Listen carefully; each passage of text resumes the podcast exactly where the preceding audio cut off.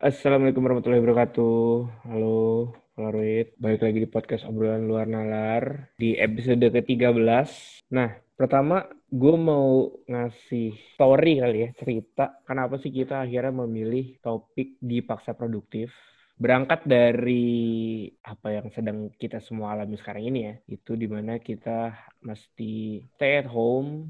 Mungkin ada yang masih stay at home, ada juga orang yang sudah keluar rumahnya. Tapi kalau boleh kita berkaca dari sebelum ada yang namanya new normal, itu kan kita bener-bener stay at home tuh. Nah, di stay at home ini kan apa ya, bisa balik dulu, kita throwback ke masa sebelum ada yang namanya PSBB ini. Itu kita kan banyak banget ngalamin waktu di luar. Kayak kita berangkat kerja, terus kita siap-siap lah, terus kita ada makan, sarapan sebelum kerja. Itu kan ada waktu yang apa ya, yang sebenarnya udah udah sering kita lakuin. Jadi rutinitas rutinitas kita selama sebelum ada masa PSBB ini. Nah, di masa PSBB ini banyak hal yang kita kerjakan sebelumnya atau kita lakuin sebelumnya itu jadi nggak kita kerjain lagi karena kita PSBB jadi kita masih di rumah. Nah akhirnya waktu-waktu yang sering kita gunakan seperti sarapan, terus siap-siap, mandi, terus menghabiskan waktu macet-macetan di di jalan untuk berangkat kerja ataupun pulang kerja itu kita tidak mengalaminya lagi. Ya mungkin bisa dibilang kayak gitu karena ada yang namanya PSBB ini. Terus akhirnya gue gue sempet sempet sempet nemu artikel. Di artikel itu ya kan karena masa masa masa PSBB ini jadi banyak waktu luang dan ada banyak orang yang mungkin mem- memanfaatkan waktu luang ini seperti kayak kita mencoba untuk menjadi lebih produktif dan mencoba untuk melakukan hal-hal baru. Tapi ada juga orang yang apa ya jadi kayak memanfaatkan atau mungkin terbawa suasana yang di mana banyak waktu luang dan lakukan kerjaannya di rumah itu jadi kayak banyak apa ya banyak kaum rebahan jadi makin banyak gitu kali ya mungkin bisa dibilang. Itu yang mungkin melandasi jadi landasan kenapa kita membahas cerita ini tadi kan udah gue sebutin tuh ada orang yang selalu mencoba untuk menjadi produktif terus ada orang yang selalu selalu produktif ada orang yang produktif karena keadaan atau karena dipaksa. Kalau lu berdua sering mengalami produktif yang kayak gimana? Di antara ketiga hal itu. Kalau gue tidak merasa dipaksa sih, maksudnya produktif itu kan subjektif ya, kayak ya kalau gue sih ngeliatnya terserah terserah gue aja gitu, gue mau kapan produktif, Iya, nggak nggak ada yang bisa memaksa gue gitu, mau keadaan mau orang Hmm. gitu, nggak ada yang bisa maksa gue buat produktif gitu, yang bisa menentukan gue produktif atau enggak ya diri gue sendiri, kalau gue sih kayak gitu. Jadi kalau dipaksa Hmm. produktif ya ya nggak dipaksa karena karena gue mau, karena gue pengen gitu ya, makanya gue produktif gitu, gue membuat sesuatu gitu, bukan karena Hmm. adanya paksaan dari orang lain atau dari lingkungan kayak gitu sih kalau gue. Kalau gua gimana nih? Kalau gue bilang gua itu tergantung keadaannya sih, Pak. Kayak kayak gimana? Gue dipaksa dipaksa buat produktif bisa masuk ke situ juga, tapi gua bisa juga masuk ke pengen produktif juga gitu loh. Kalau gue lagi pengen melakukan sesuatu yang menurut gue itu produktif, ya udah gitu. Tapi gue bisa juga dipaksa produktif. Tapi mostly, mostly sih yang gue sering alamin sih ya dipaksa sih lebih ke dipaksa produktif sih. Karena kalau di the power of kepepet orang-orang tuh wow gitu. The power of kepepet. ya kita ngomong gitu aja deh. Anjing improvisasi. Iya, Iya iya nih, nggak sesuai skrip nih. ya nggak apa-apa lah, boleh boleh lah, boleh lah. boleh lah, boleh. Boleh. Kali improve. Pepet, kenapa tuh? Man, ini pertanyaan buat lu nih, Man. Lu kan bilang tadi pengennya ya lu apa ya? Sorry, maksud gue lu orang yang pengen gitu loh. Kalau gue lagi pengen melakukan hal yang produktif ya udah. Lu bukan termasuk orang yang dipaksa untuk produktif, tapi lu pernah ngalamin gak? Man? The power of kepepet. Kalau the power of kepepet sih gue lebih ngeliatnya kayak gini gitu kayak itu tuh kita bukan bukannya dipaksa produktif gitu loh. Gue tuh ngeliatnya kalau the power of kepepet tuh sebenarnya kita udah dikasih tanggung jawab nih sebelum sebelum jatuh tempo gitu kan biasanya sebelum deadline lah. Kita udah ada, udah ada tanggung jawab untuk menyelesaikan sesuatu. Nah, the power of kepepet itu terjadi ketika sesuatu yang harus kita kerjakan itu yang harusnya selesai besok gitu misalnya tapi kita belum nyelesain gitu sampai sekarang gitu. Sementara deadline-nya besok. Nah di situ kan situasi yang kayak gitu sebenarnya yang nggak bikin the power of kepepet itu. Nah kalau dipaksa produktif sih gue ngelihatnya kayak gini malah. Kayak lu tuh ada tekanan dari entah itu dari sosial entah itu dari lingkungan entah itu dari diri lu sendiri atau entah Mhm. itu dari orang-orang terdekat lu untuk setidaknya melakukan sesuatu atau menghasilkan sebuah karya atau apalah gitu yang pokoknya bisa membuat lu tuh mengeksplor diri lu lebih jauh gitu. Kayak lu bisa menunjukkan siapa diri lu Hmm. sebenarnya ke masyarakat gitu. Kalau menurut gue dipaksa produktif tuh kayak gitu. Jadi ada dorongan dari luar gitu loh. Hmm, oke kalau oke, kalau oke. gue sih ngeliatnya kayak gitu Jadi ada faktornya ya. Ah, ah, ada faktornya kalau gue lihat. faktornya ya. Ah, ah. Kalau kalau lu Van mungkin Apaan bisa tuh? memberikan teori atau teori ya. teori. teori anjing Kasih teori. Siapa gue nih? Ah, Ya, takut. Oh, Kalau kalau menurut lu deh, the power of kepepet tuh lu pernah ngalamin nggak atau mungkin bisa kayak Lukman. Menurut lu the power of kepepet tuh gimana dan dipaksa produktif tuh apakah sama seperti Lukman atau lu punya meaning yang berbeda tentang dipaksa dipaksa produktif? Of kepepet mah semua orang pasti. Ya tadi yang dibilang Lukman yang ngebuat ngebuat sesuatu tuh kepepet ya diri kita sendiri cuy. Hmm. Iya kan, yang ngebuat kepepet tuh diri kita sendiri udah dikasih deadline-nya ngerjain kapan, tapi ah ntar ah ntar ah ya itu kalau ada power of kepepet sih menurut gue mah ah, kalau dipaksa produktif ya begitu dipaksa dipaksa faktornya. Ya ada faktornya bener. Dipaksa dari sendiri dari apa paksaannya tuh bisa dari diri sendiri bisa dari orang lain bisa dari ngelihat orang lain. Jadi kayak gitulah biasanya. Wah iri nih ngelihat ini pengen ini. Oh ngelihat orang lain udah ngapain terus akhirnya bikin ini kayak gitu-gitu. Jadi dipaksa. Padahal mah sebenarnya nggak sesuai dengan kata hati gitu. Mau ngerjainnya juga cuman kadang biasanya eh, ikut-ikutan mungkin bisa jadi itu kan paksaannya modelannya begitu atau biar kelihatan apa gitu paksaannya. Tuh. Follower ya, follower. produktif. dari diri sendiri sih biasanya. Maksudnya? maksudnya tuh ya kayak gitu. Kalau gue tuh kenapa gue bilang tadi gue dipaksa produktif? Kalau kalau buat gue dipaksa produktif itu kalau buat gue sendiri tuh dari diri gue sendiri. Kayak ya lu kalau nggak lu maksain kalau lu nggak maksain buat melakukan sesuatu nggak mesti harus menghasilkan sih. Kayak Hmm. keseharian keseharian aja. Kayak kadang aja disuruh ngapain aja males gitu. Tapi ya lu harus ngerjain itu. Jadi mau nggak mau ya harus dipaksain biar jadi terbiasa. Kalau buat gue tuh kayak gitu definisi dipaksa produktifnya. Kalau gue sih sebenarnya kalau boleh bilang soal dipaksa produktif itu gue lebih ke arah apa yang dibilang sama Irfan sih kalau gue sih. Maksud gue gini, ada faktor kayak misalnya contoh gini deh. Gue kan selama pandemi ini gue kerjanya ya udah bener-bener bener-bener olahraga, jaga jaga pola makan gue, pokoknya bener-bener bener-bener ngurusin lah, ngurusin badan lah gue, kecilin badan nah itu gue. dipaksa produktif kagak tuh Nah, jadi gini, workout. pertama ada faktor yang dari orang luar juga, bukan bukan dari dalam diri gua. Kayak misalnya dari dari orang tua, terus dari saudara-saudara gua, dari adik gua, yang Oh. bilang coba deh lagi lagi di masa kayak gini, lu kurusin badan lu kayak gini-gini atau orang tua gua kadang nyinggungnya kurusin apa badan kayak gitu ya kan. Lu sebelum sekarang. serem Nah, banget tapi ya tapi tapi ada juga dorongan dari diri gue yang akhirnya oh ya benar juga sih kenapa nggak di di masa pandemi kayak gini gue kurusin badan gue turunin berat badan gue dan jaga pola makan gue terus nanti kalau misalnya udah waktunya buat ketemu ketemu sama teman-teman lagi gue udah dalam ben- apa ya kalau dibilang bentuk kali ya bentuk yang berbeda dari apa yang terakhir kali teman-teman gue ketemu sama gue tuh jadi ada dua jadi bisa masuk ke arah yang Irfan bilang tadi dorongan terus dari yang Lukman bilang tadi faktor yang apa ya mungkin membuat gue melakukan apa yang gak gak gue lakukan sebelumnya gitu kalau menurut lu berdua ada nggak hal-hal yang menghilangkan rasa nih rasa lu berdua untuk menjadi produktif oh banyak oh banyak oke contohnya Ini kayak begini-begini nih. Males saya ini. Ih, banyak sih kalau yang ngilangin sebenarnya tantangan besarnya buat nggak produktif atau ya buat maksudnya biasanya kan ke arahnya males ya kalau nggak produktif ya udah pasti lawannya males gitu. Ya udah Mhm. musuh terbesarnya produktif ya males gitu aja gue mah. Pokoknya kalau udah males ya udah lu ya udah gue nggak pusing-pusing kalau udah males ya udah. Tinggalin aja semuanya. Ya, ntar aja lah ya Iyalah. gitu. Eh, iya left behind aja udah. Nikmatin aja gue mah gitu lah sekarang. Pusing capek itu kalau kalau kalau kalau kalau kalau kalau musuh terbesar buat nggak produktif ya males udah gitu aja Oke.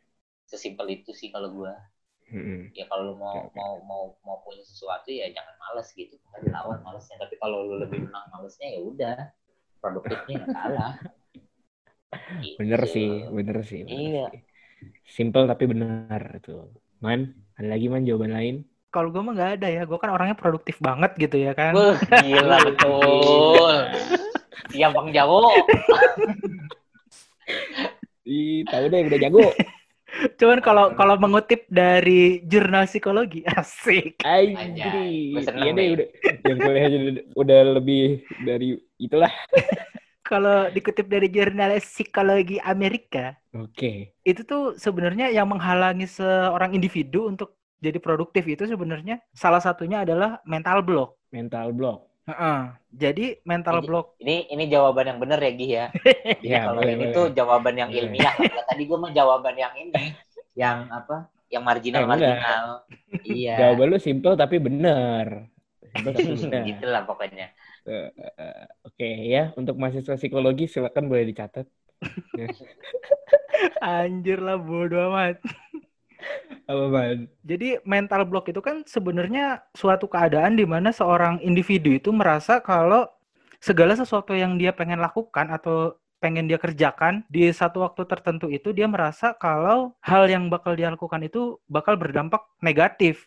Entah itu ke Hmm. dirinya atau entah itu ke lingkungan di sekitar gitu. Sebenarnya Hmm. pengertian dari mental block itu itu. Jadi rasa yang dimiliki seorang individu ketika ingin melakukan sesuatu itu dia merasa bahwa nanti output dari si hasilnya itu adalah sesuatu yang negatif gitu. Padahal kan nggak selalu apa yang kita lakukan itu negatif gitu. Nah, pemikiran-pemikiran itulah yang mendasari biasanya si individu itu malas untuk melakukan sesuatu, Pak. Kayak dia tuh udah punya perasaan kalau anjir kalau gua ngelakuin A gitu misalnya, nanti pasti hasilnya negatif. Udah ah, mending gua nggak usah ngelakuin gitu. Kayak ah ngapain dah gua nyapu rumah gitu. Ntar juga kotor-kotor lagi, mending gua nggak usah sapu. Ntar aja belakangan gitu. Anjir, Nah, pra- apa pemikiran-pemikiran yang kayak gitulah yang sebenarnya mental block gitu. Kalau di psikologi namanya mental block kayak gitu. Nah, itu salah satu Hmm. ciri-ciri di mana seorang individu itu tidak bisa produktif kayak gitu. Nah, itu jatuhnya Hmm. nanti bisa ke insecure lah, bisa ke mental illness lah kayak gitu. Oh, berarti bisa nyambung ke topik yang kemarin ya. gitu Gi. Eh, jadi trigger trigger sebenarnya itu kan mental block itu sebenarnya triggernya tuh.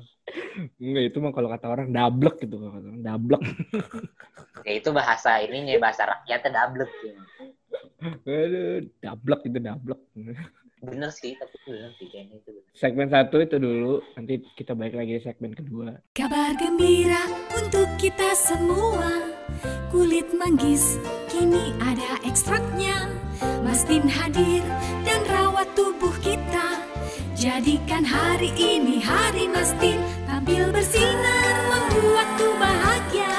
Badan sehat rahasia Mastin herbal. Rahasia alam dari Indonesia. Penuh pesona, pesona Mastin. Mastin Good.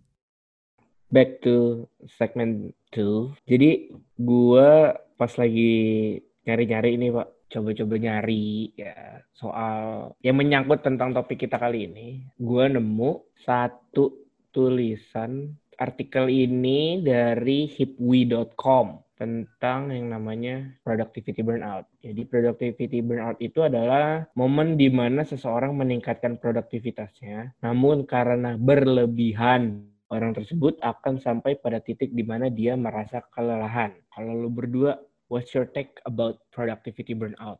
ya iya benar maksudnya too much too much ini aja terlalu dipaksain terlalu diforsir gitu loh kayak lu memaksakan diri lu buat apa ngelakuin semuanya gitu kayak misalkan mau ngerjain A B C D E dalam sehari nggak bisa kan apa Mhm. kita kan manusia juga punya batasan ya batasan kesehatan batas kekuatan batas apalagi itu semuanya di dari ujung kepala sampai ujung kaki kan tuh pasti kan ada batasannya kan. Jadi ya Iya, itu jangan terlalu dipaksain. Hmm. kalau yang gue takut dari dari si burnout ini eh si burnout siapa? Productivity burnout yang pernah lewat di kuping gue doang ini yang gue takut lihat. itu iya kan lewat doang gue bilang nggak masuk dia nggak kamu dulu.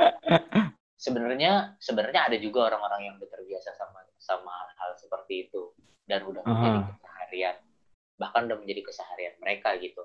Malah Yes, ada yang kalau nggak nggak kayak misalkan setiap hari misalkan dia nggak harus ngerjain lima pekerjaan gitu dalam sehari. Tiba-tiba kurang satu aja bisa sakit ada juga yang kayak gitu. Mhm. nah Hmm. gitu. Jadi ada jadi emang kan sebenarnya kita kan beda-beda ya. Maksudnya Iya, setiap manusia punya urusannya beda-beda punya kepentingannya beda-beda punya fokusnya tuh beda-beda punya interestnya juga beda-beda. Jadi ya Yes. balik lagi ke diri sendiri sih. Kalau misalkan kayak kita biasanya ngerjain tiga terus dipaksa jadi lima bisa menurut gua productivity burnout juga. Terus habis itu ya kalau Hmm. kalau apa yang biasanya lima jadi kurang satu bisa jadi malah aneh juga atau malah dianya juga jadi kayak sakit juga. Ada orang-orang kayak gitu. Banyak. Biasanya kan orang-orang yang kerjanya lapangan dah tuh ya pasti kan kayak gitu Ah, aneh nih gue biasanya ngerjain banyak tiba-tiba udah selesai kaget ya, kaget ya. kaget iya kayak ya kayak gitu kayak kalau enggak kayak lu juga misalkan biasanya ngerjain tiga tiba-tiba dikasih lima anjir lah kapan gua leha-lehanya pasti kan kayak gitu ya kayak gitu sih jadi terlalu dipaksain gitu Oke, oke, oke. Oke, itu dari Irfan. Gimana, Mang? Kalau ngomongin apa tadi productivity burnout ya. Productivity burnout. Nah, Yes, nah itu sebenarnya udah ada Pak. Di Jepang tuh sebenarnya dikenal yang namanya karoshi. Jadi itu tuh suatu keadaan, Karoshi, oke. eh, suatu keadaan di mana kematian itu terjadi karena terlalu banyak bekerja gitu. Oke. Kalau di Jepang tuh disebutnya karoshi. Jadi orang-orang yang terkena Oke. karoshi ini sama pemerintah tuh keluarganya bakalan dikasih ganti rugi 260 juta, Pak. Kalau semisal keluarganya ada yang meninggal karena karoshi ini, karena kelelahan gitu. Makanya kalau di Jepang-Jepang kan Aha. dari dari usia sekolah tuh udah diajarin ada yang namanya jam tidur siang gitu kalau sekolah. Yes. Kalau orang Jepang tuh emang emang karena dia udah aware banget sama apa sih sama kesehatan mental gitu, aware-nya tuh tinggi. Hmm. Jadi emang dari kecil udah diajarin kayak gitu gitu, kayak jangan terlalu memaksakan sesuatu yang tidak baik ke tubuh gitu. Makanya dari anak-anak Hmm. kecil juga udah diajarin ada yang namanya jam tidur siang gitu. Jadi di setiap sekolah tuh kalau habis jam makan siang itu biasanya mereka kan boleh untuk tidur siang selama satu atau dua jam gitu. Itu dari SD Aha, sampai. SMA kalau kalau nggak salah gitu. Jadi emang Ah. udah aware itu gitu negara Jepang. Nah sementara kalau iya. sementara kalau misalnya dilihat lagi nih si Yes. burnout ini kan terjadi sebenarnya karena individu itu nggak sadar akan batasan dirinya pak. Oke. Karena kita tuh ngelihatnya tuh kayak gue masih mampu nih, gue masih mampu, gue masih mampu. Sementara si mental dan fisiknya itu tuh udah mencapai limit atau batas gitu. Nah, Mhm. itu sebenarnya yang harusnya tuh setiap individu tuh aware gitu, kayak batasan gue tuh di mana gitu. Gue sanggup sampai semana sih. Jangan cuman ngelihat fisiknya aja, tapi juga mental itu penting kalau menurut gue. Hmm. Karena banyak banget nih anak-anak apalagi yang baru apa baru kerja gitu kan, masih Hmm. semangatnya menggebu-gebu ya kan dikasih kerjaan ini. Iya iya iya. Padahal mereka nggak tahu nih kalau misalnya mereka iyain terus, kesehatan Hmm. mental mereka tuh lambat laun bakal keganggu kayak gitu. realita. Karena kan enggak karena kan itu tuh nggak nggak kelihatan sebulan dua bulan gitu. Kelihatannya tuh bakal Iya betul. bertahun-tahun ke depan gitu loh. Kayak kalau lo udah Ah. membiasakan itu dari sekarang, nanti ke depannya tuh secara nggak sadar nih, secara subconscious diri lu sendiri tuh bakal oh ya udah Ah. nggak apa-apa, gue udah biasa ngelakuin kayak gini kok. Gue udah biasa kerja tiga kali lipat sehari gitu. Ah, oke, Iya, Kak. oke. Itu tuh sebenarnya dibentuk karena ya dari diri kitanya sendiri gitu. Makanya sebenarnya kalau mau gimana caranya kita menghindari si burnout ini tuh ya kita harus aware sama limit kita sih. Kayak jangan memaksakan Hmm, sesuatu yang di luar limit kita gitu loh. hmm. Kerja cerdas lah, jangan kerja keras gitu. Mohon maaf Bapak, saya seperti mengingatkan suatu memori ya iya. Eh, tapi tapi tapi gimana kabarnya kalau misalkan dia tahu nih Oh. batasannya terus Ah, habis itu iya. apa ya dia tahu nih misalkan kayak tadi gitu, tahu batasannya terus habis itu tapi dia udah kayak nyerah di awal gitu kayak nggak mau nggak mau mencapai batasannya gitu kayak ah Hmm. ini duluan lah kayak udah ada yang ngerjain lah kayak ya Hmm. udahlah biarin aja dulu nanti kalau misalkan dia nggak bisa baru dia ntar gue bantuin gitu padahal dia tuh tahu kalau dia tuh bisa ngebantuin atau bisa ngerjain itu gitu tapi dia kayak udah Ah. kayak apa kayak ninggalin itu nah itu gimana tuh case-nya Kalau- lihat lihat ntar aja dulu ya bantuinnya gitu ya.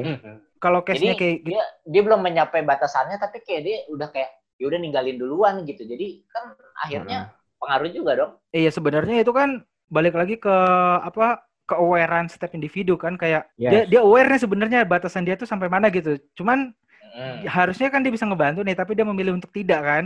Hmm. Nah itu berarti dia udah punya prioritas sendiri pak di Ah. di saat dia tidak membantu ini tuh pasti ada sesuatu hal yang dia lakukan gitu. Mm-mm. walaupun itu dia nggak ngelakuin apa-apa itu dia sudah melakukan sesuatu sebenarnya. Kan kita nggak tahu di di saat dia tidak melakukan apa-apa itu di pikiran dia tuh lagi apa gitu. Kayak bisa aja kalau misalnya dia nggak lagi ngapa-ngapain dia lagi mikirin urusan di rumahnya kayak gimana urusan sama keluarganya kayak gimana kan kita nggak pernah tahu ya kan namanya pemikiran manusia.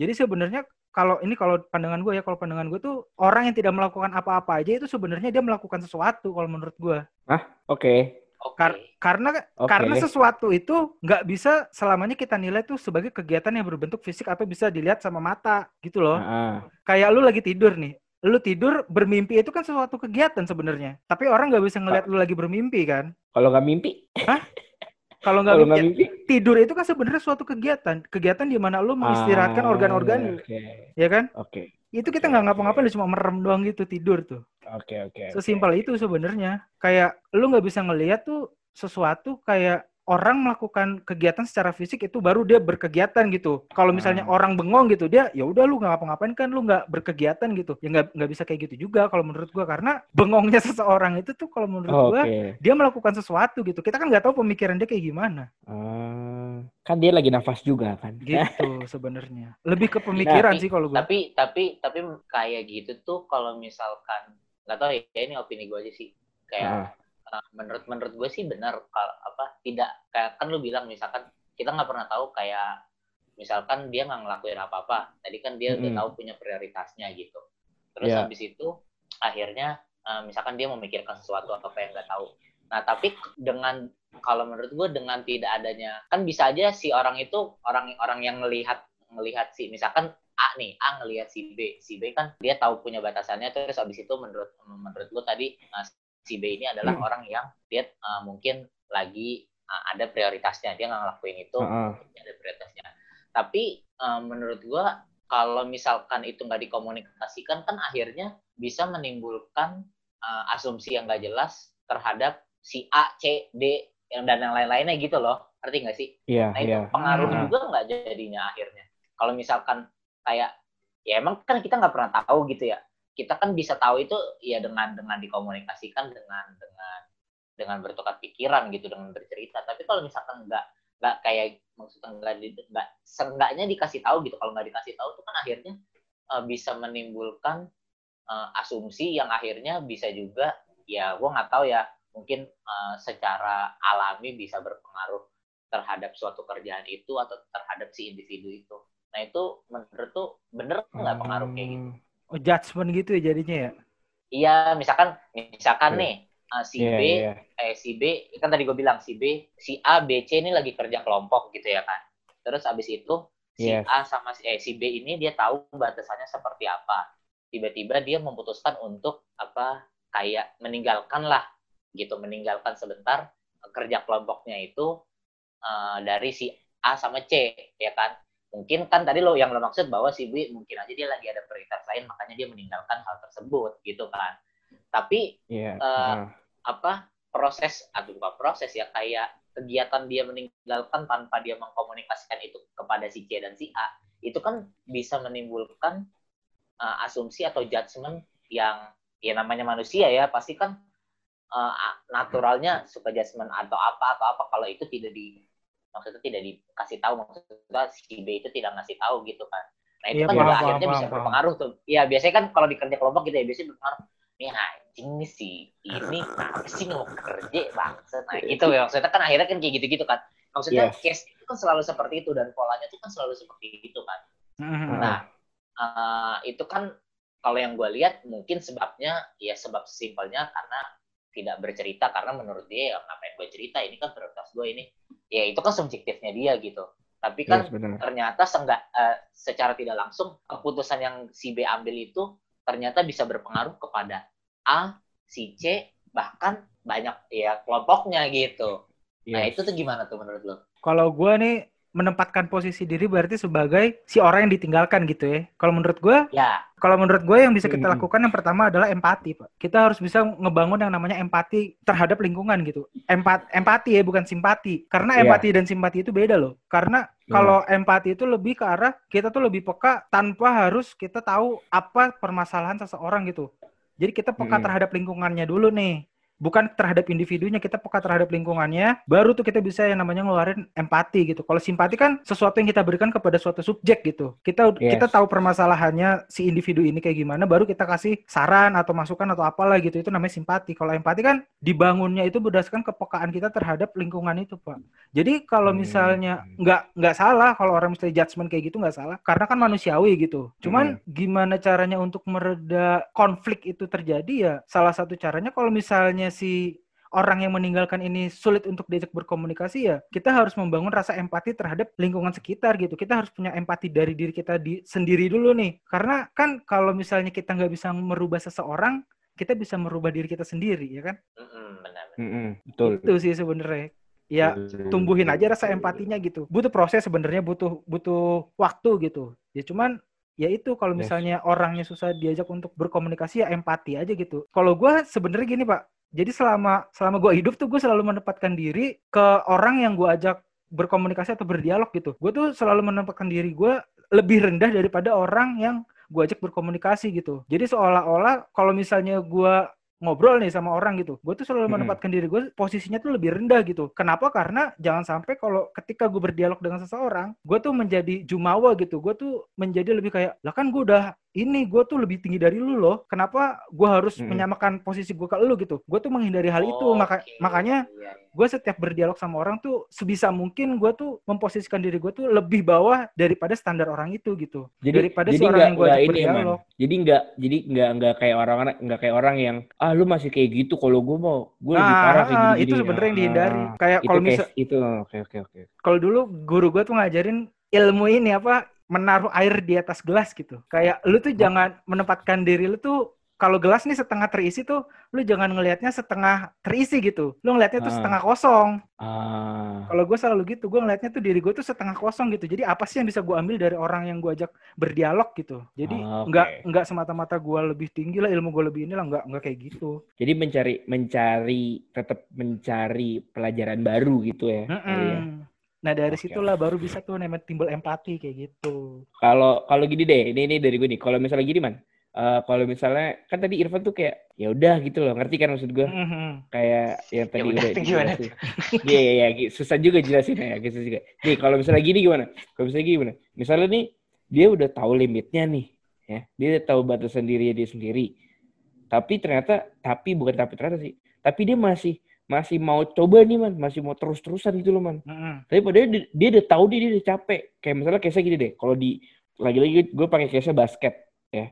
Kalau di basket kan biasanya orang selalu bilang hard work, hard work terus lah gitu, ya Mhm. kan? Nah, kayak misalnya latihan basket, lu latihan basket dikasih dikasih disuruh ng- ngelakuin lima repetisi, ya kan? Lima repetisi tapi eh, atau misalnya gini, lu lu tahu nih lu udah capek banget, tapi lu masih tetap tetap nge-push diri lu buat terus latihan lagi, gue pengen ngelakuin sekali lagi, gue pengen ngelakuin sekali lagi, tapi lu lu tahu nih badan lu udah capek banget gitu loh. Hingga Hmm. hasilnya yang tadi overwork itu. Mhm. Nah, kalau gitu gimana, Man? ya selain lu harus tahu batas limit lu ya kalau misalnya lu udah tahu nih batas limit lu di mana terus lu memaksakan gitu untuk melewati batas limit lu ya lu juga harus tahu yang namanya Tanggung konsekuensi pak Iya benar. Hmm, Konsekuensi. oke. kalau Iya, kasus iya, basket kan lu tahu kan kalau misalnya latihan terus bisa cedera gitu. Yes. Orang- betul. maksudnya maksud gua nggak harus profesional kan yang harus tahu itu kayak orang Yes, baru benar. amatir gitu tahu kan pasti kalau misalnya lu Iya. terus-terusan kayak gini lu bakal ibaratnya cedera gitu itu kan konsekuensi benar. sebenarnya ya nggak apa-apa Ah. kalau misalnya lu mau melewati limit lu itu asal lu harus tahu konsekuensinya juga. Jangan sampai kalau sekarang kan gini nih, jangan sampai lu ngelewatin limit lu nih terus terjadi sesuatu gitu konsekuensinya ke diri lu terus lu menyalahkan bukan diri lu gitu. Lu menyalahkan Ya, lingkungan, lu menyalahkan orang-orang gitu. Nah kan sekarang banyak yang kayak gitu tuh. Hmm. Malah kayak malah kalian kayak kayak jadi contohnya adalah kayak lu kayak lu lu udah tahu nih anjir gue udah capek banget tapi lu tapi lu terus-terusan terus hingga akhirnya lu capek cedera lu nyalain pelatih lu ya anjir pelatih Nah, nggak ah, padahal kayak kan gini gini gini gitu. Oh, Iya. oke, oke, oke. Goblok. Oh, Dablak dablak dablak. Anjir. Oke oke. oke. bagus ya lebih mengalir ya. Bagus karena saya melek. Tadi saya ngantuk di episode satu ya. Oke, deh. Kalau lu berdua di masa yang sekarang ini merasa apakah setuju dengan tak masalah dengan dengan tidak produktif saat corona ini atau malah lu berdua yang gue malah malah malah pengen produktif nih di masa masa pandemi kayak gini. Kalau lu berdua gimana? Kalau kalau gue dulu deh. Kalau gue kalau gue malah ngerasanya harus memanfaatkan ini. Kayak yang tadi gue ya workout, gue belajar belajar hal yang baru. Jadi kalau gue sih agak ya agak tidak setuju ya tak masalah saat produktif di masa corona ini. Kalau gua, kalau lu berdua, what's your take about that? Kalau saya saya lebih setuju sama artikelnya. Karena ya udah nggak apa-apa gitu, nggak nggak usah nggak usah memaksakan diri untuk produktif setiap saat gitu. Karena waktu itu tuh kalau nggak salah ya, Baskara Hindia tuh Ya. pernah men-tweet tentang ini juga nih. Jadi Ini dia. Aduh. Jadi ya, Materi saya diambil. oke ada kelas di sini boleh ya. Ya udah saya pakai. Nadine bisa lah. Iya, jadi dia pernah pernah nyinggung juga tentang produk produktif di saat pandemi gitu. Dia bilang tuh kenapa sih orang-orang tuh lebih cenderung memikirkan untuk lebih produktif pada saat pandemi gitu. Kalau Hmm. menurut dia sebenarnya orang-orang tuh nggak usah lebih produktif pada saat pandemi gitu. Lu melakukan sesuatu secara normal di keadaan kayak gini aja tuh sebenarnya udah bagus gitu. Kayak lu Hmm. melakukan kegiatan lu sehari-hari gitu yang sebelum pandemi lu lakukan setiap hari dan pada saat Hmm. pandemi sekarang juga lu tetap lakukan setiap hari itu sebenarnya udah ter- udah termasuk yang namanya produktif gitu. Nggak usah memaksakan harus lebih harus lebih harus lebih kayak gitu. Secukupnya aja kalau kata Baskara Hmm. tuh. Siap siap siap siap. Jadi ya nggak apa-apa nggak produktif. Saya setuju sama artikelnya. Oke, oke. Kalau lu Van, Tweet, yang tweet. satunya lagi. Tweet, tweet. Tweet, tweet langsung. Aduh, kan saya mengasih ini kesempatan kepada Lukman ternyata dia bisa membaca dalam pikiran saya. Jawaban saya diambil, aduh. Jadi bingung kan nih. Buka Spotify dulu lah. Dari siapa gitu ya, biar bisa disebut. Aduh, anjir. Iya kalau menurut gue sih kayak gitu. Sebenarnya kayak statement gue di awal kan, kayak sebenarnya kan produk- produktivitas itu kan eh, menurut gue sih kan subjektif tergantung konteksnya dari masing-masing individu gitu kan. Karena kan Hmm. yang kayak tadi gue juga bilang kebutuhan kita, fokus kita itu kan beda-beda.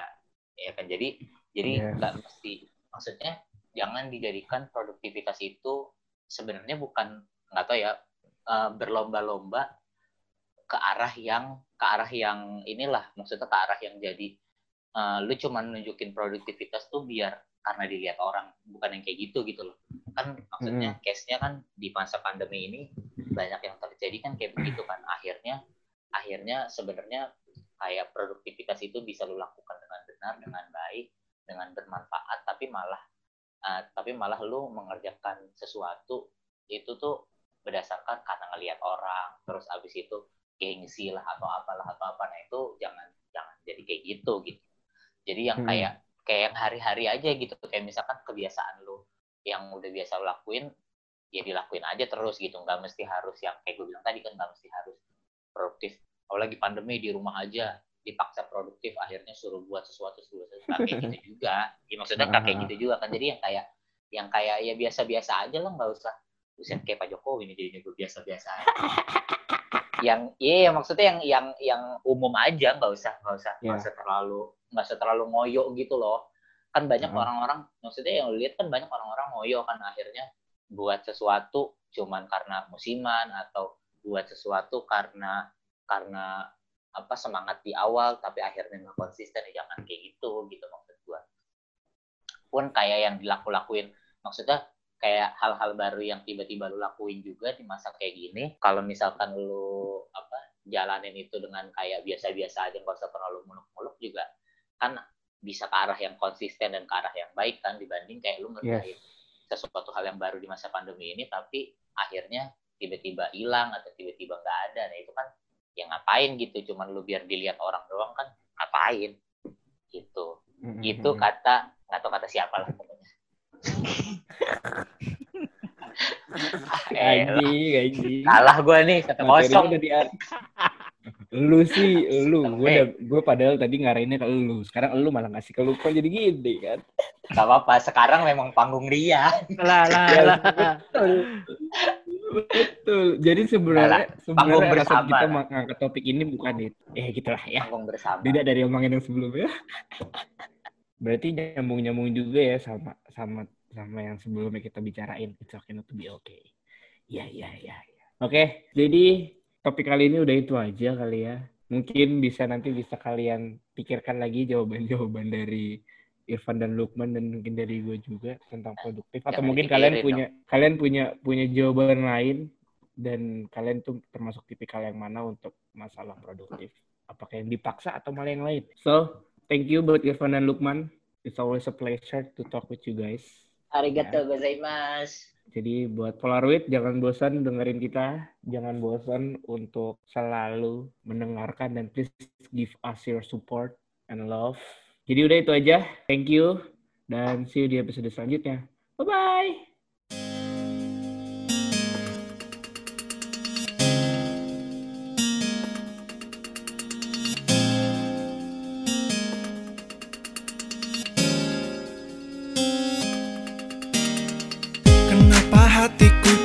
and